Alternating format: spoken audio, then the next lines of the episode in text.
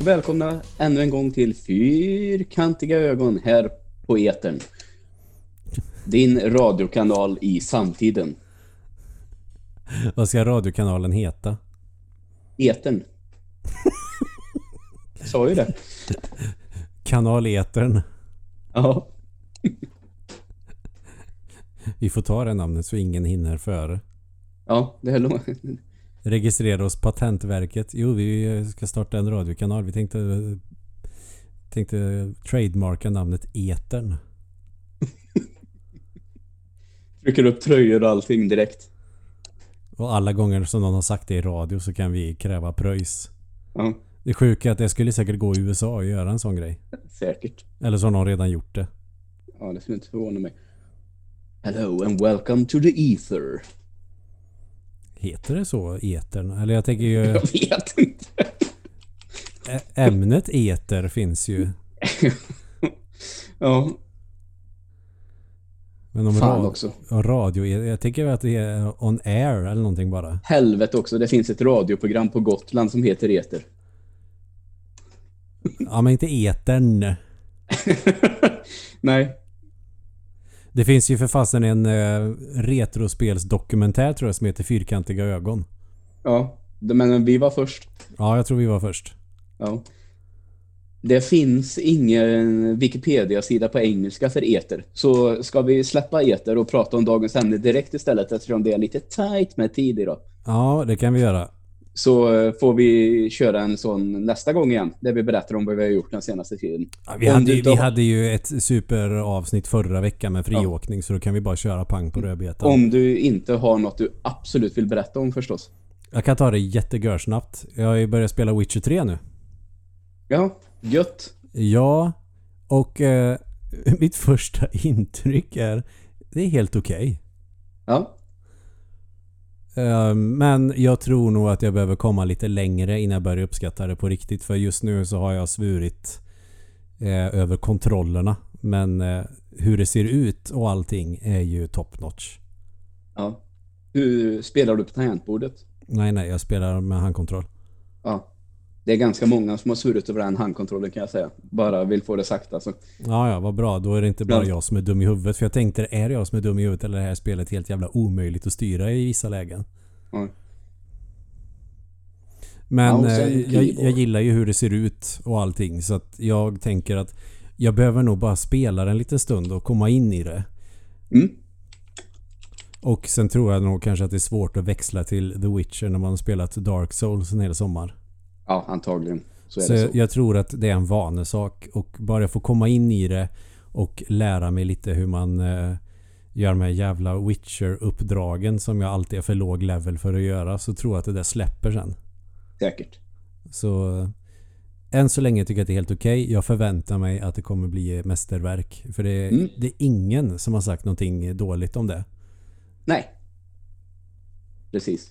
det. Det var allt. Men nu vill jag snacka Terminator. Terminator, ja. Och...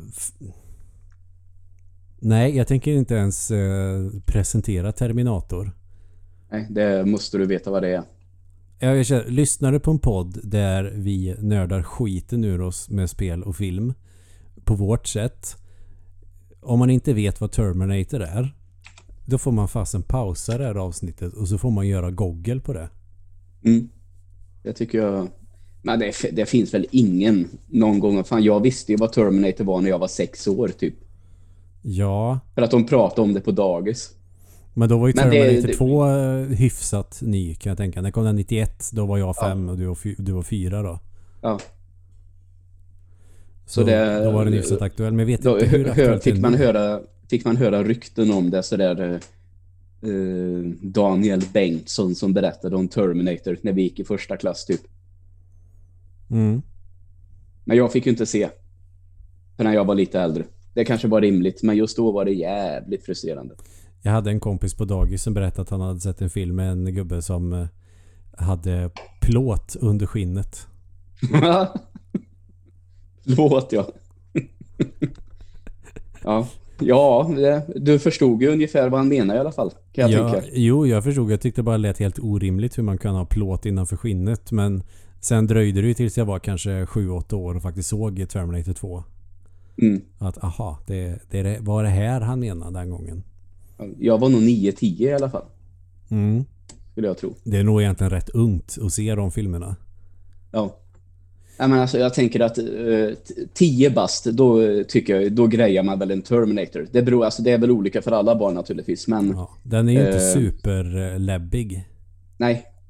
Ehm, särskilt, alltså, alltså då tycker jag i så fall att kanske den första är lite uh, läbbigare än den andra. Ja, den är ju för fasen slasher typ. Mm, ja, den är, har någon mer, jag ska inte säga att det är en skräckfilm, men den, den har ju lite sådana element som är lättare att bli rädd för än vad tvåan har, tror jag. Mm.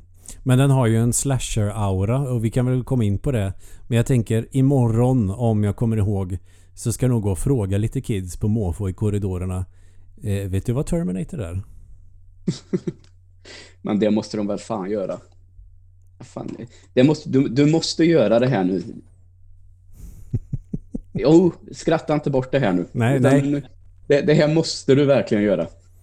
Yes, ja, men jag ska göra det. Jag ska, jag ska inleda en lektion med det. Innan vi börjar, har ni, känner ni till Terminator? Så kan jag rapportera nästa vecka vad jag har hört. Utan att nämna några namn då givetvis. Utan bara att eh, jo, det verkar som att kidsen känner till Terminator. Eller nej, det verkar inte som att kidsen känner till Terminator. Åh, fy fan vad hemskt. Nej men alltså så kan det ju vara. Det finns ju massa grejer som är kanske superstort och superkänt som jag inte har någon jävla susning om. Ja, såklart är det så. Men jag är ju för fan 34 år och jag har inte sett en enda Bruce Lee-film. Nej. Så jag menar, Nej. nu vet Ja, jag i och för vem Bruce Lee är utan att ha sett hans filmer. Men Mm. det är helt obegripligt att jag inte har gjort det. Ja, det är det faktiskt. Det är typiskt sådana filmer som jag tror att du skulle gilla ganska mycket faktiskt. Jag skulle älska dem. Det är det som är grejen. Jag fattar inte vad jag håller på med. Nej. Men, men det är samma. Vad var det? Det var några avsnitt sen som vi pratade om att vi inte hade sett Clockwork Orange. Mm. Det är ju också helt obegripligt. Ja, det är ju skämskudde på den till och med. Ja, och eh, så att när vi har behavioristisk psykologi som jag undervisar, jag undervisar i psykologi. Så kan inte jag dra referensen Clockwork Orange med klassisk betingning för att jag inte har sett den. Ja. Och det skulle jag nästan se som någon form av, eh, inte, inte hyckleri, men nästan. jag kan ju inte stå och prata om den filmen som om jag vet någonting och så fattar jag inte någonting. För jag Nej, inte har det, var, det var precis som den gången som jag för en kollega sågade den här 50 Shades of Grey. Mm. Och sen personen sa det enda rätta. Har du sett den? Och jag sa nej. Ja, då kan du ju inte klaga. Nu får du se den. Och jag bara jävlar också. Fast om Ja, man vet det- att det är typ eh, glorifiering av våldtäkt om man ska vara PK så tycker jag väl att man kan såga den även om man inte har sett den. Ja, men eh, nu, nu fick jag ju eh, se den i alla fall. Ja, jag tänker inte se den. Jag intresserar mig inte för fem öre för sånt. Nej, det gjorde det inte för mig heller. Men nu blev det ju så att jag var i en sån diskussion och i ett sånt läge där jag var tvungen att faktiskt se den, kände jag. Så Ja, det, men det är väl ett gott skäl. Jag skiter i det mesta förutom hårdrock. Men Terminator, vi kan väl... Jag vet inte, vi hinner nog inte prata om alla Terminator-filmer. nej, det blir är tufft. väl, det är väl inte meningen heller. Jag tycker att de som är relevanta överhuvudtaget är ju första och andra. Ja, det tycker jag också. Eh, vi kan väl nämna snabbt att eh, jag tycker att både trean eh, den här Salvation och eh, Genesis och Dark Fate som jag har sett eh, eh, är underhållande eh, filmer. Men jag tycker nog att formkurvan har gått neråt. Hela Faktiskt. tiden. Ja, i stort sett. För jag tycker nog att Genesis var bättre än Terminator 3. Ja, det var ju några saker som jag tyckte, som jag, alltså jag tycker att eh, som, om man är ett riktigt fan så kan jag inte riktigt släppa storyn. Nej. Eh, och den är ju liksom redan, det blir liksom lite jobbigt redan i trean. Mm. Nej, ni stoppade det inte. Ni bara eh, såg till att det blev lite senare. Så allting är precis som det var. Alltså det... Ja, och sen blir det i alla fall i Salvation, då är det i alla fall en annan tid. Så det var ju lite smått intressant. Men det kanske är där vi ska börja hela avsnittet då. Att vi bara Ja, får eh, liksom eh, ta det där. För Terminator 3 första gången jag såg den så tyckte jag det var slöseri med tid. Det kändes som att jag hade lika gärna kunnat stirra, stirra in i en vägg. Mm. Idag eh, utan att ha sett den och mer efter det så kanske det är orättvist och jag borde kanske se den igen. Ja, jag kan ju inte komma underifrån med att det är jävligt bra actionscener. Det är några actionscener som liksom är så... Man tappar hakan bara. Så det är Ja, jävligt bra action emellanåt. Och sen däremellan lite sådär lagom dos av helt rätt humor. Eh, Men sen så blir det också lite sådär... Fan. Kunde det inte fått vart slut? Alltså jag, jag jag resonerade väl som ett Star Wars-fan där att jag fick inte den djupa storyn som, som jag har fabulerat upp i mitt huvud efter att ha sett sju filmer eller vad fan det är. Mm. Utan den råkade visst vara lite väl lättsmält vilket jag tycker är grejen med Star Wars. Ja. Så att eh, någon gång måste jag ge den en ny chans. Speciellt om vi ska fortsätta prata Terminator. Eh, Terminator Salvation, det där med Christian Bale va? Ja. Känd för att han skäller ut någon eh, när de spelar in in. i helvete. Det, det är ett ganska roligt ljudklipp. Ja, Men- det är det. Men vad fan, han fick ju inte det han bad om. Det är klart han blir förbannad. Ja, jag, jag, tycker, jag tycker inte att han gör fel. Det tycker jag inte. Men den har jag alltid tolkat som prequel till första filmen. Ja, absolut. För är det inte så? När han skickar tillbaka Kyle Reese så säger han väl att vi, hade, vi har sprängt Skynet åt helvete men de har lyckats skicka tillbaka en robot. Eh, det minns jag inte nu eh, på rak arm. Eh, men det, så kan man nog absolut se det. Oavsett vad. Ja, för jag för mig att de hade typ kommit ganska långt i alla fall med att spränga. Och det är det de gör i Salvation. Det är det hela den filmen går ut på.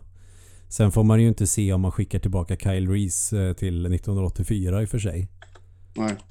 Eh, sen vill jag väl minnas att Kyle Reese är ganska så mycket yngre i den här filmen. Eh, så. Mm. Eh, så jag, jag minns faktiskt inte riktigt hur det är. Eh, jag, det är inget jag minns, men du kan säkerligen ha rätt. Och Genesis, eh, det är ingen stor spoiler för det här händer i början av filmen. Men hela handlingen och allting som händer i första Terminator-filmen blir ju nollställt.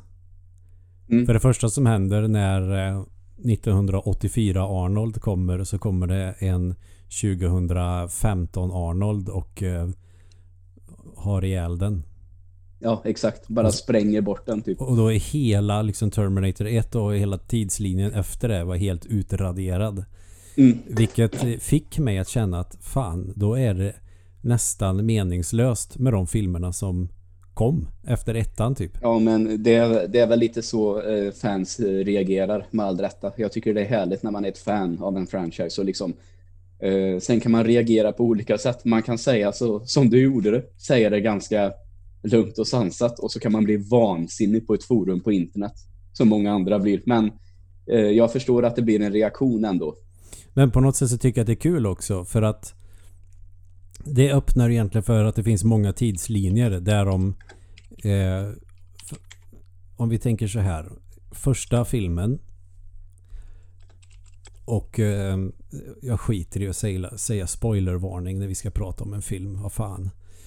Men hela grejen med att John Connor skickar tillbaka Kyle Reese vilket, vilket eh, framgår i slutet av första filmen eller kanske efter halva första filmen att han skickar tillbaka Kyle Reese för att säkra sin egen existens. Ja, exakt. Men han säger ju inte det till Kyle Reese för att det skulle kunna äventyra hela framtiden. Mm. Så att det är ju redan förutbestämt att han måste skicka tillbaka Kyle Reese annars så kommer han inte existera. Och då är frågan då måste det ha funnits någon tidslinje före det som han har ändrat eller som någon har ändrat någon gång. Ja, såklart. Att det kanske inte var John Connor första gången om man säger så i den första tidslinjen som skickar tillbaka Kyle Reese. utan någon annan som gör det. Och det kanske inte ens har gått så bra.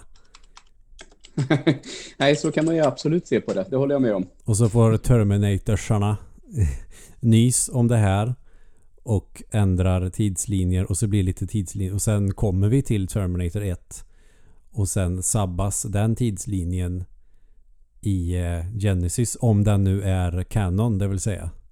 Ja, men eh, det får man väl tänka att den säkert är. Eller om det är en parallell tidslinje. Ja, så kan det också vara. Det är Eh, så det- jag väljer att se det. Mm.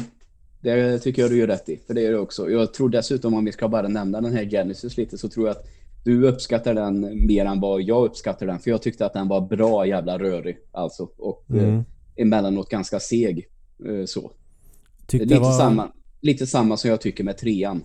Eh, så. Det är Mm. också seg emellanåt, men har bra action. Men då tycker jag nog att det finns några mer spektakulära scener i den tredje än vad det gjorde i den. Sen tycker jag att de gjorde eh, ett tokfel med att göra John Connor till Terminator-skurken. Det blir ju så jävla löjligt tycker jag faktiskt. Och det, det är väl banalt att kanske bli irriterad på det, men det, det begriper jag faktiskt inte. Det var onödigt och eh, ologiskt. Eh, ja. Eller om de hade gjort en kopia på honom, typ så som en T-1000 kan göra sig till en kopia av någon annan. Mm. Väljer jag således att se det hela. Ja. Eh, Men men. eh, Och så såg jag ju för inte så jättelänge sedan, det var ju under semestern, så såg jag den här Dark Fate också, som är den senaste. Mm. Som floppade relativt mycket, får man ändå säga. Det känns som att folk hade tröttnat lite. Och det är Eh. ju lite risky när de inte har släppt en riktigt bra Terminator-film sedan 1991.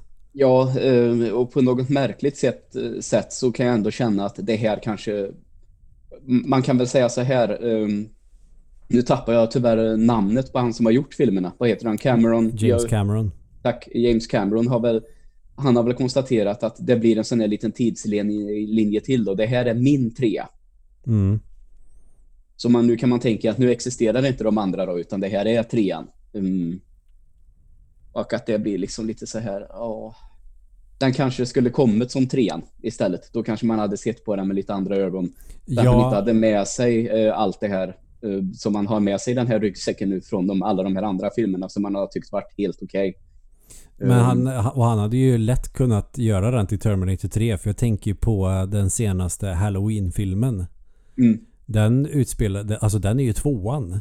Ja, jo, men eh, så har han ju gjort. Men jag, känner att den här kanske skulle kommit då som trean när Rise of the Machines kom. Jaha, att den skulle ha kommit år Ja, 2003 istället. Ja, då kanske man hade sett, alltså, man hade sett den på ett annat sätt då kanske, känner Mm. jag. Eh, för nu blir det lite så här, vad, vad ska vi hitta på nu då? Ja, kan det vara något mellanting mellan, alltså, som robot och människa, fast ännu ett steg längre i någon form av evolution. Jag fattade knappt vad fan de pratade om. Och sånt kan man ju förbise ifrån ibland ifall resten är jävligt bra. Mm. Eh, det är liksom sådär, eh, du vet att man kan få lite hjärnspöken ibland eh, i Terminator 2, om vi tar det snabbt, att så framtiden existerar bara för att de hittade en robot som sändes tillbaka från framtiden och då har de kunnat bygga den här datorn som sen, Just det, Skynet. ja, och så blir man så här, det, så snurrar det till i huvudet. Men det bryr man sig inte om, för det är en så jävla tung actionrökare. Fan, det är ju en sån detalj jag missar jag. De får ju idén till att bygga robotar för att de hittar den där armen. Ja, och det där chippet från huvudet, från, ja. Ja. från första filmen. Eh, Första filmens robot är det ju. Så Cyberdyne hade inte gjort Terminators om de inte hade hittat armen och mikrochippet. Ja, exakt. Då är ju min teori som jag nämnde då för typ åtta minuter sedan helt åt helvete. Ja, ja. Det är sånt som händer. Men det var ganska du- kul när jag kollade på Terminator 2 senast att jag aldrig egentligen har kopplat det för att jag inte sett Terminator 1 sen jag var typ 12. Ja, Och kollade på den och eh, sen kollade jag på tvåan ganska tätt efter den och bara Ja jävlar ja, så är det ju. Mm. Och nu tänkte jag så igen då så det är ju en detalj Ja. man glömmer fort uppenbarligen. Mm. Eh, Men som sagt var, det är, eh, för, på grund av filmens kvalitet så är det ingenting som stör mig eh, då. Nej. Men eh, i Dark Fate så blir det ju snarare så att det är inte tillräckligt bra för att väga upp det där som är lite eh, irriterande. Det blir Nej. lite ihåligt liksom. Eh, Däremot så man säga en av de, jag vet inte, har du sett den? Nej jag har ju inte gjort det än. Nej, men då kan vi väl säga så här att eh, då ska jag inte nämna vad som händer, men det är en scen i början då de har använt sån här eh, deepfake-teknik, alltså där de har eh, satt eh, ett ansikte på en annan skådis för att eh, använda John Connor från Terminator 2. Ja, Okej. Och det är nog eh, en av de snyggare sådana som vi har sett. Väldigt, väldigt snygg sån scen. Mm. Och det är i stort sett i början. Så det, Ja, ja, men, Men jag låter det superspoiler. eh, nej, men jag tror att eh, vet man inte om det här så vill man nog se det. Mm. Förstår du vad jag menar? Jag förstår hur du menar. Eh, Det gjorde inte jag nämligen. Och så blev det så här, va? Ja, ja, okej. Ja. ja, men det Och sen... coolt. Sen så är ju, i och för sig, är ju coolt med Sarah Connor och Linda Hamilton igen. Men det känns som Mm. Han skulle fått göra den här, James Cameron. Han har ju varit i alla fall väldigt inblandad i Dark Fate. Och han, det kunde han ha fått vara för 20 år sedan och inte nu, typ. Ja, då är jag med. Mm. Ja, det är lite synd att det blev så. Eh, Men första Terminator, jag minns ju den som liksom okej. Mm. För jag såg den första gången, alltså hela filmen från början till slut. Eh, ja, när jag gick på mellanstadiet någon gång. På en inspelad VHS med reklam och allting från TV3 eller vad fan det kunde ha varit för kanal. Åh, fan, det är härligt med sådana grejer. Ser på gammal reklam som man har lyckats spela in. Ja, jag tänkte på det när jag kollade igenom lite VHSer som jag kunde liksom eh, spela över lite Nintendo-spel på. Och eh, så var det också det här. Någon, det var någon reklam. Eh, jag tror det är Björn Gustafsson. Alltså eh, Alfred i eller Dynamit-Harry Björn Gustafsson. Ja. Som eh, säger någonting. Snart börjar skolan. Oh, ett äpple. Ett päron. Jättekonstig reklam. ja, ja, men sånt är härligt i alla fall. Ja, och det är väldigt nostalgiskt för jag kommer ihåg den ganska väl så det var kul att se den. Eh, Men eh, annars så brukar man ju göra så om man... Ibland så kunde man ju spela in en film typ strax före man går och lägger sig för det var ju alltid sent Mm. som fan när man gick på TV om det var någon film som var lite mer barnförbjuden. Inte TV1000 klockan 12 då utan då menar jag actionfilm med mycket våldsscener. Ja. Vill du höra en rolig grej lite snabbt? Ja, kör. Att Björn Gustafsson var 40 år när han spelade in Emil. Och då måste ju han vara typ 120 år nu eller någonting. Han är född 34. 85 är han. Ja. Han är född eh, 34 och Emil var 72 till 70, 30, 73. Så ja, okej då. Ehm, eh, 39 var han. Jag hade lite fel. Ja, okej. Nästan i vår ålder. Betyder det att man fortfarande har chansen att bli en av de mest älskade skådisarna i svensk historia? Nej. Ja, sett till åldern har man ju det, Ja, menar jag. ja, men det kan det ju bli även efter 80 tänker jag. Ja. ja, jävlar vilken roll man skulle ha då om man skulle bli 80 år och bli den mest älskade skådisen i svensk historia. Har för mig jag har läst någonstans att det är folk som är över 80 som breakar med någonting just då. Ja, Men jag kommer inte ihåg specifikt vad det var eller i vilket sammanhang. Men någonting sånt är det ju. ja men den där kärringen som är med i Titanic. Henne har man inte sett i supermånga roller. Nej. Nej, till exempel.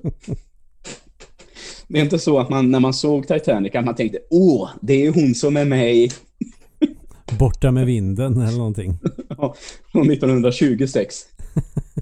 Och då var hon 30. ja. ja, det är ju helt sanslöst. Men eh, jo. Fan vad vi håller på. ja, det här är ju top notch poddmaterial. Det märker jag ju direkt. Men i alla fall. Så det var ju spännande för att jag förstod ju... Men nu får du sluta garva. Jag såg ju... Jag har ju sett Terminator 2 typ hur många gånger som helst. Men ettan hade jag bara sett en gång. Någon gång på 90-talet. Ja. Och så såg jag den nu igen och blev förvånad över vad jävla bra jag tyckte att den var. Ja, jag har ju gjort den eh, resan också. Jag vet att jag eh, tror faktiskt att jag till och med såg Terminator 2 eh, först. I Ja, något ja. sammanhang och sen insåg jag att det finns en till. Och så att jag kände då när jag hade sett den första gången, ja, den här var ju bra. Men den var ju inte alls lika bra som tvåan. Nej, precis. Och så har jag liksom fortsatt att se på tvåan om och om och om, och om igen. Ja, så jag, jag tycker att ettan har fått lite för lite cred av mig. För den är, eh, den är ju kanonbra. Jag gillar konceptet med tidsresa och uh, rädslan för artificiell intelligens och det här som var som verkar vara en sån jäkla stor grej på 80 och 90-talet. Ja. Kommer säkert bli något sånt där nu också. Att uh, nu när vi bygger så mycket robotar så kommer vi snart ha humanoida robotar som tar över världen och så vidare. Det är ju inte jättenytt och annorlunda koncept. Nej, så är det inte. Eller tvärtom. Ja, du har rätt. Det var det jag ville ha sagt. Och tidsresegrejen är ju cool också. Med tanke på att det var en nödlösning. Mm. Jag vet inte, jag tror när jag har läst lite sådär kul grej på internet att James Cameron fick väl hela skiten kommer från en mardröm han hade när han hade feber. När han jobbade med någon annan film tror jag. Åh, en feberdröm, vad härligt. Ja, och det den, låter ju faktiskt inte helt orimligt för det har man ju varit med om själv. Det är helt sjuka saker. Jag, jag har till och med drömt Terminator-drömmar när jag, när jag haft feber. Ja, det har inte jag, tyvärr. Jag kan inte eh, komma med den nu. Men jag har drömt andra konstiga saker. Det är från den scenen, du vet, när eh, när John Connor säger åt honom eh, att släppa honom och så skriker han på hjälp och så kommer det två sköna snubbar från någon bil. Ja, två jocks. Ja, som åker på däng. Ja. Jag drömde om den scenen fast att jag blev jagad av Terminator och fick, hopp, fick klättra över något jäkla stängsel. Okej. Okay. Det kommer jag ihåg. Det hade, men James Cameron hade i alla fall en feberdröm där det kommer det här robotskelettet ur en stor eldlåga. Mm. Och går emot honom. Och då hade han väl, när han hade drömmen färskt i minnet, börjat skissa på den här roboten. Och sen blev det som det blev. Och ah, okay. tidsresegrejen, jag tror nog att han tänkte väl göra någon form av science fiction film från början. Som antagligen utspelar sig då i den mm. framtidsvärlden. Men han hade ju rätt taskig budget. Jag vet inte om det var så att det var många som inte ville göra den filmen. Alltså att eh, han visar manuset och många säger bara nej. Det blir inget mät.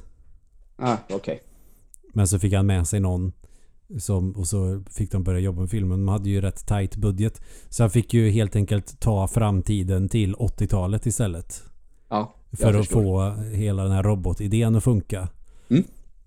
Och spelade ju in utan att ha tillstånd att spela in på de här platserna som de är i. Utomhus. Så att det är därför det är nattscener i filmen. Ja. När de inte okay. har tillstånd så får de ju smyga ut på nätterna och spela in. Så det är väldigt mycket i filmen som jag, som jag tycker är bra med filmen. Som verkar vara en, en tillfällighet. Okej, okay, men vi kan inte spela in på dagen. Då får vi spela in de flesta scenerna på natten. Och det gör ju att filmen är... Att den har sån atmosfär. Mm. Att, det har den ju. ja, allting utspelar sig på natten och jag tycker att det ger en väldigt bra effekt. Sen är det ju några dagsscener och sådär också. Men, ja, men inte svinmånga. Nej.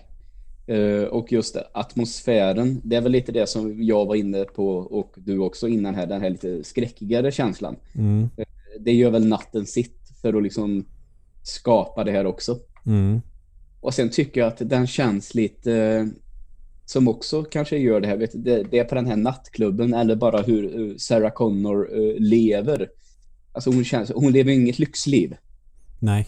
Så hon, hon har det säkert helt okej. Okay, men just att hon lever det här lite sletna livet. Hon delar ju bostad med den här andra kvinnan, om jag visst är det så. Hon som mm. blir mördad där. Som för övrigt har gjort aerobics-videos också. Sådana här som var stora på 80-talet. Åh fan. Ja. Men Or... eh, de ska väl vara typ, de karaktärerna är väl typ 19 så de är väl roommates och kanske ja. ska plugga eller någonting. Antagligen. Men just att eh, det sätter också en viss känsla i det, tycker jag. Mm. Som är lite, jag ska inte säga att den är otäck. Men det är inte otäckt med två roommates som två personer som bor ihop. Men det, liksom, det sätter ändå stämningen. Du och Turbo, det var otäckt. Ja, det var det. Men eh, det ska vi inte prata mer om. Det är en tid som vi alla har lämnat bakom oss och det är mycket bättre nu. Men det blir ju så. i alla fall. Och det som också gör det väldigt utmärkande för slasher-aktigt det är ju om vi tänker Jason Voorhees tänker jag ju på direkt. Eh, kanske Mike Myers egentligen men det är roligare att tänka sig Jason Voorhees på grund av att Jason Voorhees är typ odödlig. Mm. Förutom när han får en yxa i huvudet i slutet av filmen. Då är han helt plötsligt inte odödlig. Men i hela resten av filmen så är han odödlig. Det känns ju samma grej med Terminator. De har ju samma modus operandi nästan. Ja. Att båda är långsamma och eh, bara tar sig till den som de ska attackera. Nu har ju visserligen Terminator kunskaper i att köra motorcykel och motorfordon i övrigt. Men det är inte så att han springer skitfort och liksom totalmördar allting utan tar sig sin tid i alla fall. Ja. Vilket känns väldigt slasher eh, mördare. Ja, det gör det. Och eh, Alien, det är väl också James Cameron andra Alien i och för sig. Första Mm. Alien är ju också lite mer slasher. Eh, ja, eh, väldigt så är det nästan Hitchcockigt suspensig Mm. också. Eh, och det... Sen var ju Aliens betydligt mer actioninriktad. Och Terminator hade- gick nästan samma öde där. Att första Ja. är lite mer eh, eh, panik. Och andra filmen är mer action. Ja, exakt. Eh, Men sen måste vi, när du pratar om eh, Arnold och att han är, kan vara liksom odödlig. Han kan köra bilar och motorcyklar och hela den där biten. Men jävlar vad han är klippt och skuren för den här rollen Arnold. Ja, jävlar. Om vi pratar om eh, Rambo och konstaterar Sylvester Stallone, han har eh, både eh, liksom Rocky och Rambo. Så, och visst, Arnold har ju fler filmer, men här tycker jag verkligen, det som verkligen, verkligen är Arnold är trots allt Terminator. Det tycker jag. Det är ju hans i särklass mest ikoniska roll. Ja, och sen finns det ju de här Commando och uh, E-Racer och allt vad de heter, men eh, det tycker jag faktiskt att de här två Terminator-rullarna är bättre än alla andra han har gjort. Ja, det är, alltså Arnold har ju sin Rambo i stort sett. Alltså om vi kollar på John Matrix i eh, Commando och eh, Dutch Schaefer i Predator. Det är samma grej. Ja, Det är Men- två olika karaktärer men det är fortfarande Arnold som spänner Mm. musklerna med, med ett maskingevär. Mm, Men här kan jag till exempel också då tycka att eh, skillnaden eh, mycket mellan Arnolds Terminator och hans andra roller det är att jag kommer ihåg när vi såg Commando Mm. så satt vi ju och asgarva åt saker som hände. Ja, ja visst. För att det finns en viss humor i det också. Ja. Med den här jävla renen eller eh, rådjuret eller vad fan det är och sen saker han säger. Alltså det, det blir roligt på ett annat sätt. Inte nödvändigtvis för att det ska vara komedi, men alltså det blir lite fnissigt. Det tycker jag Ja. inte att Terminator-rullarna är. Det, dels så ska väl några one-liners vara lite roliga men det finns Mm. också ganska mycket lajbansitet i det. Ja, så är det. Uh, där sticker väl den här ut. Vad fan heter den nu då när han eh, får ett nytt minne?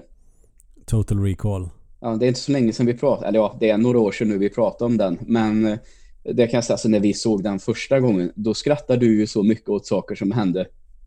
Att du, stort, sett- du skrattade så du grät nästan. Ja, men den är ju helt absurd den Och jag, och jag satt bara bredvid och liksom kanske inte riktigt var redo. Jag satt bara, vad fan är det som händer? För jag tror att den var ju mycket bättre när jag såg om den än Mm. mot vad jag tyckte första gången. För jag tror att jag blev lite tagen på sängen att eh, det var sådana där scener när han... Ja precis, på- det är inte så att man bara skojar nej, nej, nej. Utan det är jättemycket sånt i uh, Total Recall. Sen är ju Mm. det en riktigt bra film också Ja, tycker jag. det tycker jag också. Gillar konceptet svinmycket. Mm. Plus att det är nej, nej. Ja, och jag bara undrar, vad, vad är det här? Så den kan ju framstå som oseriös då när du är i ett sällskap som börjar asgarva åt allting som händer. Och då förstår jag att man inte riktigt njuter av filmen. Ja, lite så. Men som sagt var, eh, andra gången så var jag liksom lite beredd och då kunde jag också tycka att det var bra.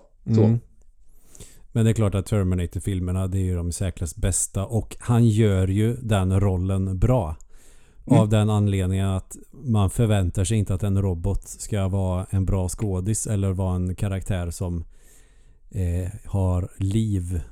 Nej, exakt. För det är varken Arnold eller Stallone är väl bra skådisar förutom i Rocky och Terminator. Mm. Det, det är någonting med de två filmserierna där respektive actionhjälte är bra. Ja. Och sen är resten funkar för ändamålet så länge de inte pratar för mycket. Även om jag tycker att det är charmigt när Arnold pratar med sin österrikiska brytning. Men det gör ju inte att man får en mer, att man får mer feeling. Men han är ju grymt bra på att se ut och gå som en robot. Han, går, han går ju precis så som jag tänker mig att en robot som ska kunna smälta in bland människor gör. Ja, Även om jag tycker att det är jävligt korkat av uh, Cyberdyne eller vilka nu som gjorde de här robotarna.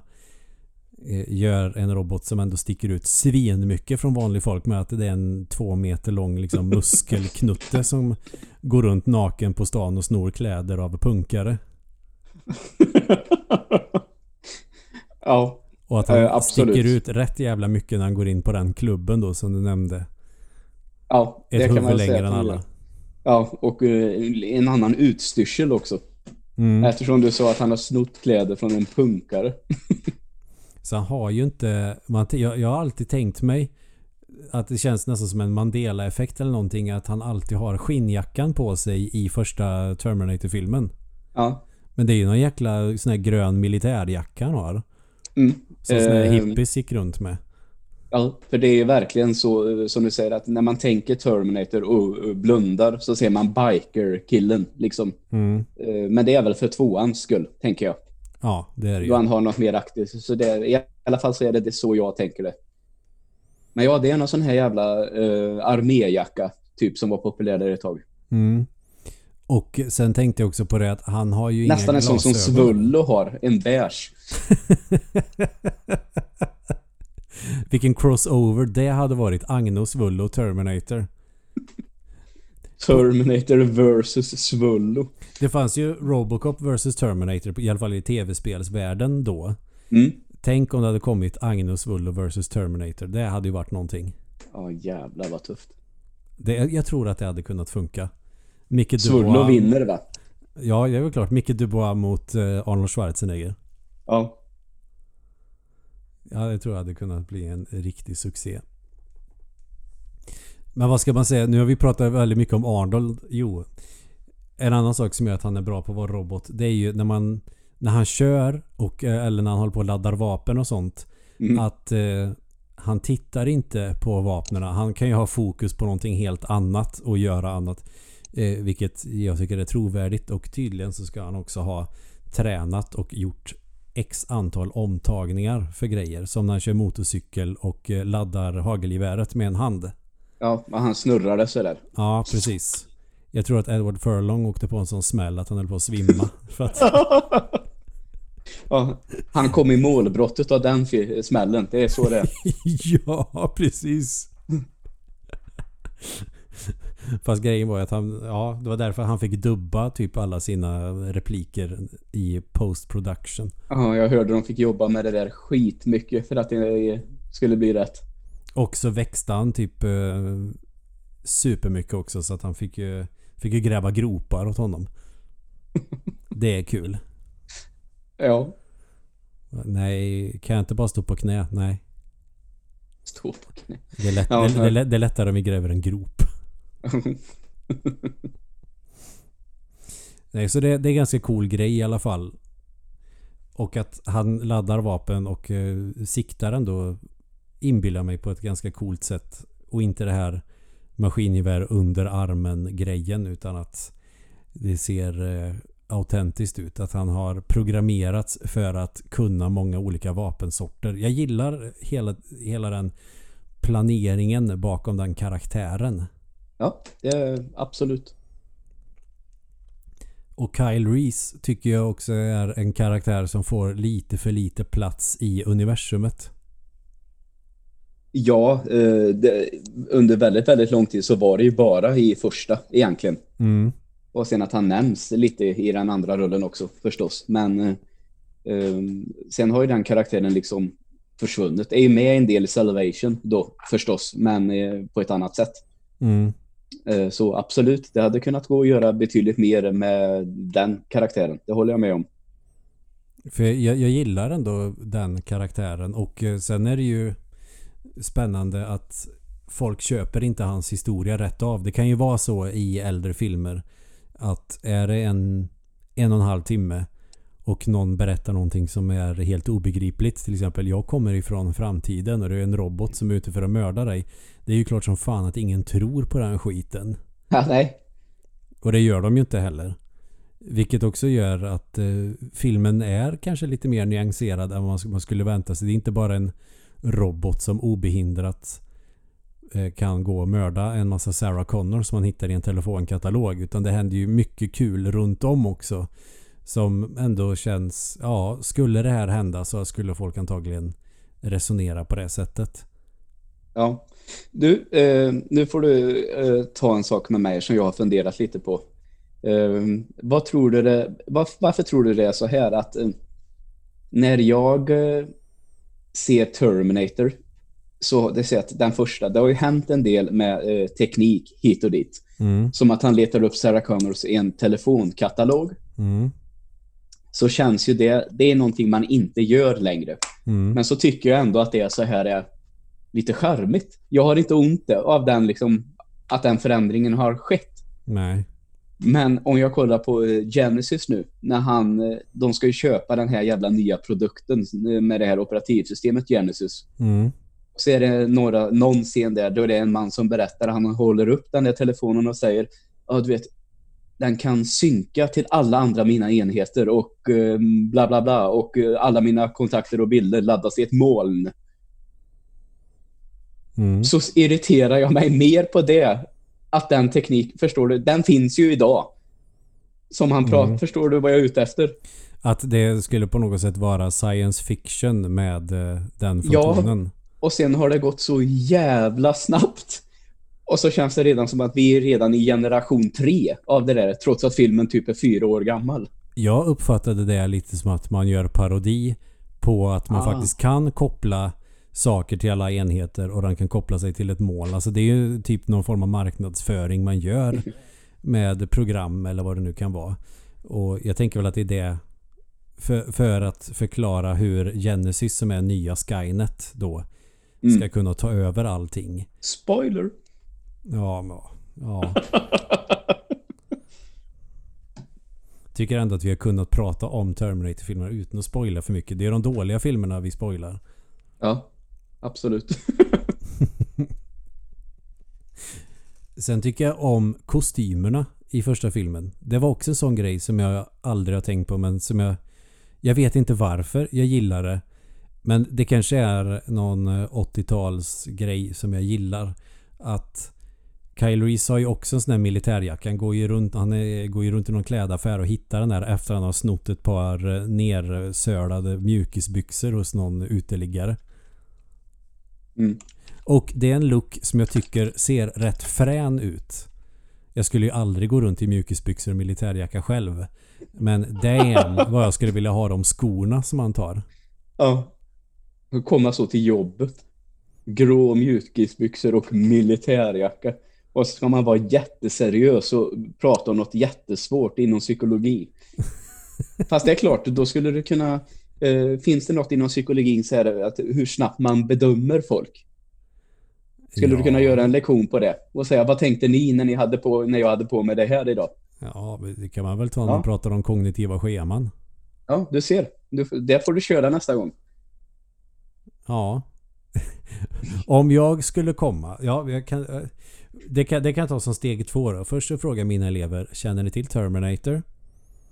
Och om de då säger ja, då ska jag alltså komma till jobbet med eh, jättefläckiga mjukisbyxor. Typ som att jag har stängt en massa målarfärg på dem. Mm. Eh, sådana Nike-skor som man har i den filmen går ju inte att få tag på längre. Det var ju ett helvete för dem att hitta ett par sådana skor till eh, Genesis-filmen. Mm. De fick ju designa ett helt unikt par. För det är ju, Ja, just det. det är ju sån superproduktplacering i första filmen när han tar på sig Nike-skorna. Mm. Att verkligen liksom visar upp dem lite extra för att de har väl pröjsat. Vilket är konstigt när det inte är en så stor film, men så var det. Och så kom jag då in i klassrummet. Ja, ser ni vem jag är? Hur skulle ni bedöma mig om ni såg mig på stan? Mm. Och så kanske det är någon rent hypotetiskt säger ja men du ser ut som en avdankad alkis. Ja. Ja, men om jag säger att det är en man från framtiden som ska skydda en 19-årig tjej från att bli mördad av en robot för att hennes barn ska bli någon militärledare. Och där kan vi då tänka, ja och då tänker ni säkert att ja men han är ju galen. Och det är för att ni har eh, färdiga tankar och färdiga sätt att reagera på olika stimuli som är färdigpaketerade så ni inte behöver tänka efter utan tanken har ni, ni har gjort den här processen så många gånger så tanken blir automatisk och då blir bedömningen av mig så snabb. Och då skulle jag ju kunna säga det att eh, vad fan ska man komma till efter en sån grej? Att jag är ganska cool ändå. ja. Eller så får vi göra så då att vi, vi får gå på cosplay någon gång så får du cosplaya Kyle Reese. Mm. Så. Undrar om någon skulle ta det? Du får klippa dig. Ja, det får jag ju definitivt göra. Ja. Jag ser ni inte vem jag är? Jag är ju Kyle Reese i första Terminator. Mm. Och då är frågan, vem ska jag ko- Jo, då kommer jag som han, eh, vad är det, John Matrix han heter det. Ja, i Så i kom- Commando. Mm, så kommer jag som hans dotter. Nej, du ska komma som John Connor i Terminator 2. Ja. Och så får du slå mig ashårt på halsen innan vi går in. Så att jag inte kan prata.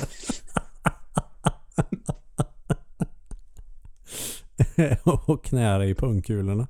Ja. Wow! Nu lät du som Mario i Super Mario 64. Ja, det gjorde jag faktiskt.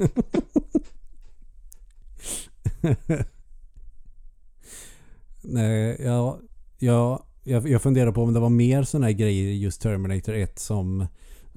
Jag, jag tycker att det är roligt att små, prata om små detaljer för att prata om filmen i det stora hela. Eh, eh, finns inte så mycket att säga. Men då kan väl jag klämma in med det här. Eh, det här eh, den här tryckpressen, den här hydrauliska pressen som, Mm. spoiler, eh, Terminator sen då blir krossad och typ dödad i. Men armen och huvudet blir kvar lite då. Men Spoiler. ja.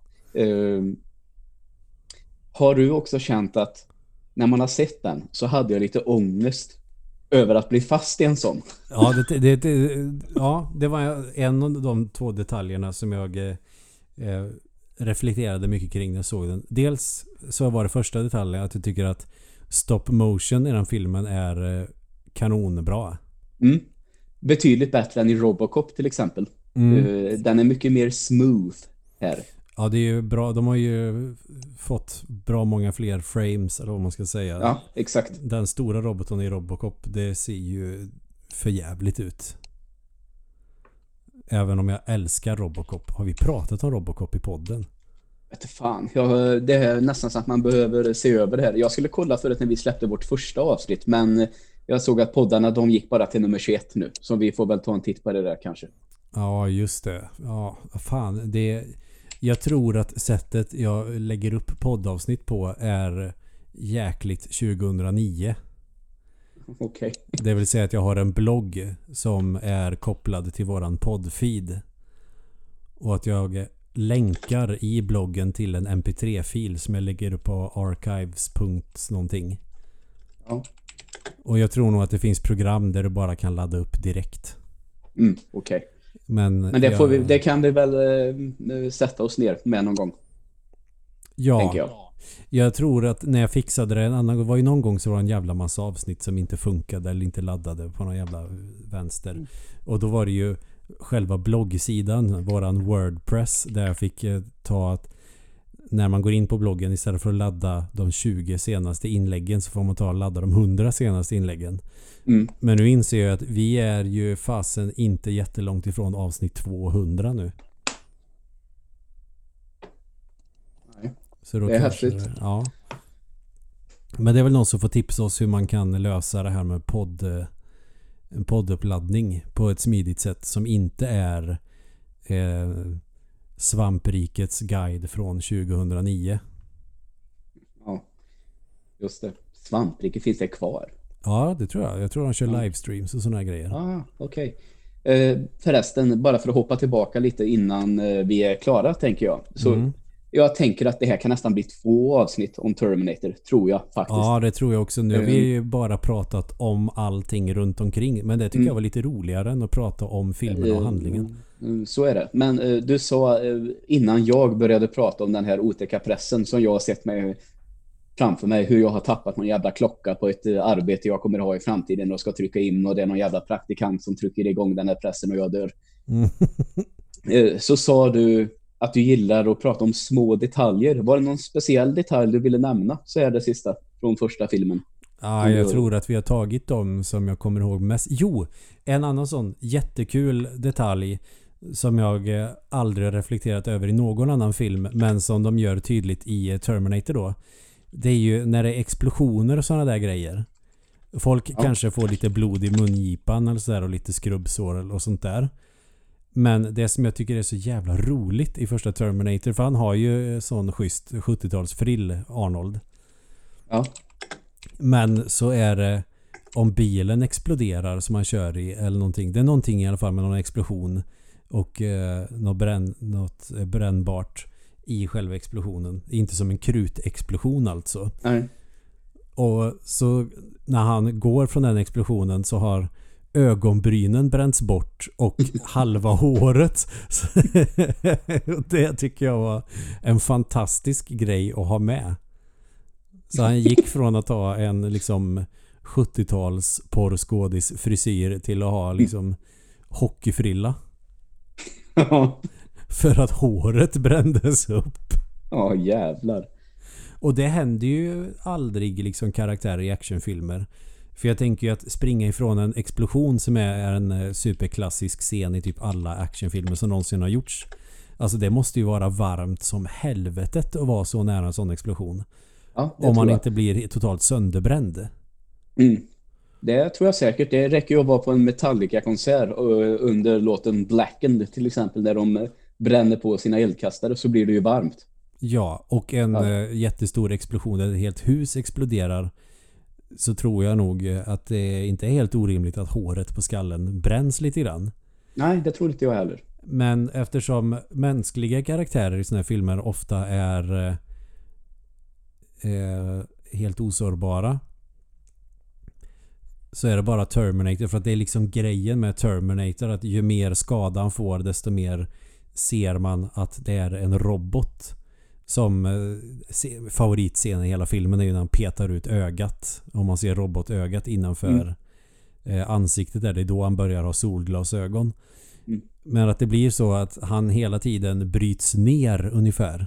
Ja. Successivt under hela filmen. Och att det är då där anledningen till att de bränner bort hans ögonbryn och hår då. För att det är en del av nedbrytningsprocessen till att han ska Mm. bara vara det här exoskelettet eller vad fan det är. Ja. Eh, och sen eh, det slutar med, han är ju typ halv det sista. Mm. Och ger sig inte och så blir han krossad långsamt. Det är ju också en mardröm. Ja. Att någonting helt platt och kallt sakta krossar en. Ja, fan vad det ska till att göra ont. Ja. Det är som det här tortyrredskapet som eh, krossade skallar som de sjunger om i låten Head Crusher med Megadeth. Mm. Att det är som ett skruvstäd man placerar på huvudet och skruvar på det tills huvudet liksom långsamt typ spricker. Ja. Alltså det, är- det är ju som sjuk ångest. ja, det kan man säga. Vet du vad jag för övrigt jag såg någon som gjorde häromdagen? Nej. Eh, han satt, eh, han hade en bärbar dator. Och så liksom eh, lyfte han upp skärmen och så runt själva skärmen satte han jättemånga gummiband. Mhm. Och till slut så pressades eh, skärmen sönder för trycket blir så stort till slut. Det är ju rätt onödigt men spännande. Ja, ja, men det var ju någon sån här jävla, du vet, eh, vad heter de här nissarna som Mythbusters? Mm. Eh, Det var något liknande sånt experiment. Åh fy fan, skulle- Mythbusters. Det är De, ju så jävla de skulle se ifall det här fungerade. Mm. Och det gjorde det. Tänker, då kanske det funkar på skallar också, så vi får... Vi provar det. Jag, vi spelar in podd hos dig nästa vecka. Och så har vi köpt jättemycket gummiband och så sätter vi det kring mitt huvud. Då borde det alltså bli så att om... Jag vet inte vilken enhet man mäter tryck med. Vet du det? Mm. Vilken enhet man mäter tryck med? Eh, nej. Eller är det Nej. helt enkelt bara kilo? Ja, Eller det, gram då? Eh, det skulle kunna vara för liksom en eh, bett från djur och sånt mäts ju i kilo. Mm. Så det Så- kanske är samma. Då är det alltså så att om, om vi säger att du får ett tryck på ett gram från en gummisnodd på ditt huvud så blir det alltså två gram med två gummisnoddar. Ja. Jag har faktiskt inte tänkt på att fysik funkar på det sättet. Nej. Men å andra sidan en katt i en låda med en giftflaska och en hammare kan vara död och levande samtidigt. Så jag menar då är det kanske inte så konstigt att ett huvud kan krossas då av gummisnoddar. Nej. Exakt. Ja. Nej men fasen det är kul att prata om Terminator på det här sättet. Eh, eftersom jag blev helt golvad av första filmen. Mm. Det är nästan Eh. så att den är min favorit nu av allihop. Ja, jag förstår precis vad du menar. Eh, så. Eh, den har ju växt någonting enormt för mig också. Men eh, tvåan slår den nog inte. Trots allt. Nej. Mm, Men det är någonting med att allting är så litet och instängt på något sätt. Det är ju inte så många miljöer i den. Vilket jag tycker blir väldigt effektfullt. Tvåan har Mm. ju inte supermånga miljöer så heller. Men tvåan är ju betydligt mer lättsmält på ett sätt. Ja. Eh, sen är det väl så att tvåan tycker jag, eh, det känns som kan man säga, känns lite mer som en scen som liksom förflyttar sig i handlingen. Mm. Eh, jag tycker att den första är lite mer så här klippt lite mer så här pop, pop, pop, pop. Ja, ja, det, och sen ihopsatt till en rulle så tycker jag att tvåan är liksom lite mer följsam i handlingen också. Mm. Eh, och det kanske är därför som det känns som det finns lite mer miljöer i den. För liksom man följer med karaktärerna genom de olika miljöerna på ett annat sätt. Ja, och det som är synd också med att ha sett tvåan bra många fler gånger och före ettan är ju att scenen när han kommer in på det här mentalsjukhuset där hon ligger. Ja, När han kommer och ska rädda henne. Den scenen hade ju kunnat vara så jävla mycket starkare. Om man hade bara sett första filmen och sen ser andra. mm. För när hon blir rädd i andra filmen så fattar man ju inte riktigt varför. nej, För jag hade ju inte en jävla aning om att eh, Terminator var liksom skurken i första filmen. nej, just det. Eller att T1000 för den delen var en Terminator. Mm. Nej, jag, jag håller med. Sen är det väl eh, en sån grej också om vi ska prata små, små detaljer som inte har någonting. Men jag tycker att det är en sån jävla äcklig scen i tvåan när den här vårdaren slickar på henne när hon ligger fastspänd. Åh fy fan. Det är så jävla grisigt gjort. Jag höll på att spy när jag såg det. För tänk dig att ligga där fastspänd och så är det någon äcklig gubbe som slickar i ansiktet och du känner eh, hans saliv på kinden även efter. Mm. Och hur det liksom sakta torkar. Mm. Och så har han ätit mat med vitlök också, så man känner liksom det också. Ja. Nej, det, det, jag kunde inte släppa det. Hon får bara ligga där eh, och låtsas vara helt lealös. Men bara tanken på salivet är kvar på kinden och sakta torkar. Mm. Usch. Ja men det, det här är ju svinbra. Eh, Och jag tänker väl att det kanske är dags att knyta ihop säcken nu då. För det så det inte blir för babbligt det här. Ja, just det. Jag tycker vi har fått eh, mycket av hur känslan blev av att se Terminator 1 efter så många år. Fan också att jag inte är lite, lite snabbare ska jag bara säga. För jag satt här och tjuvgooglade lite. För jag hade tänkt att säga så här. Dobbiamo legare insieme il sacco. ja. Ja. Ska vi knyta ihop säcken på italienska? Ja, det var tyska förra gången va? Ja. Vad fan var det på tyska? Ja, ska vi säga det, det sista? Vi kollar tyska. Sollen wir den Sacken zusammenbinden? Blir det den här gången. Ja. Jag tror inte jag skrev så. eh, Nu var det en fråga. Ska vi knyta ihop säcken? Ja, Det var det inte förra gången, tror jag inte. Zusammenbinden.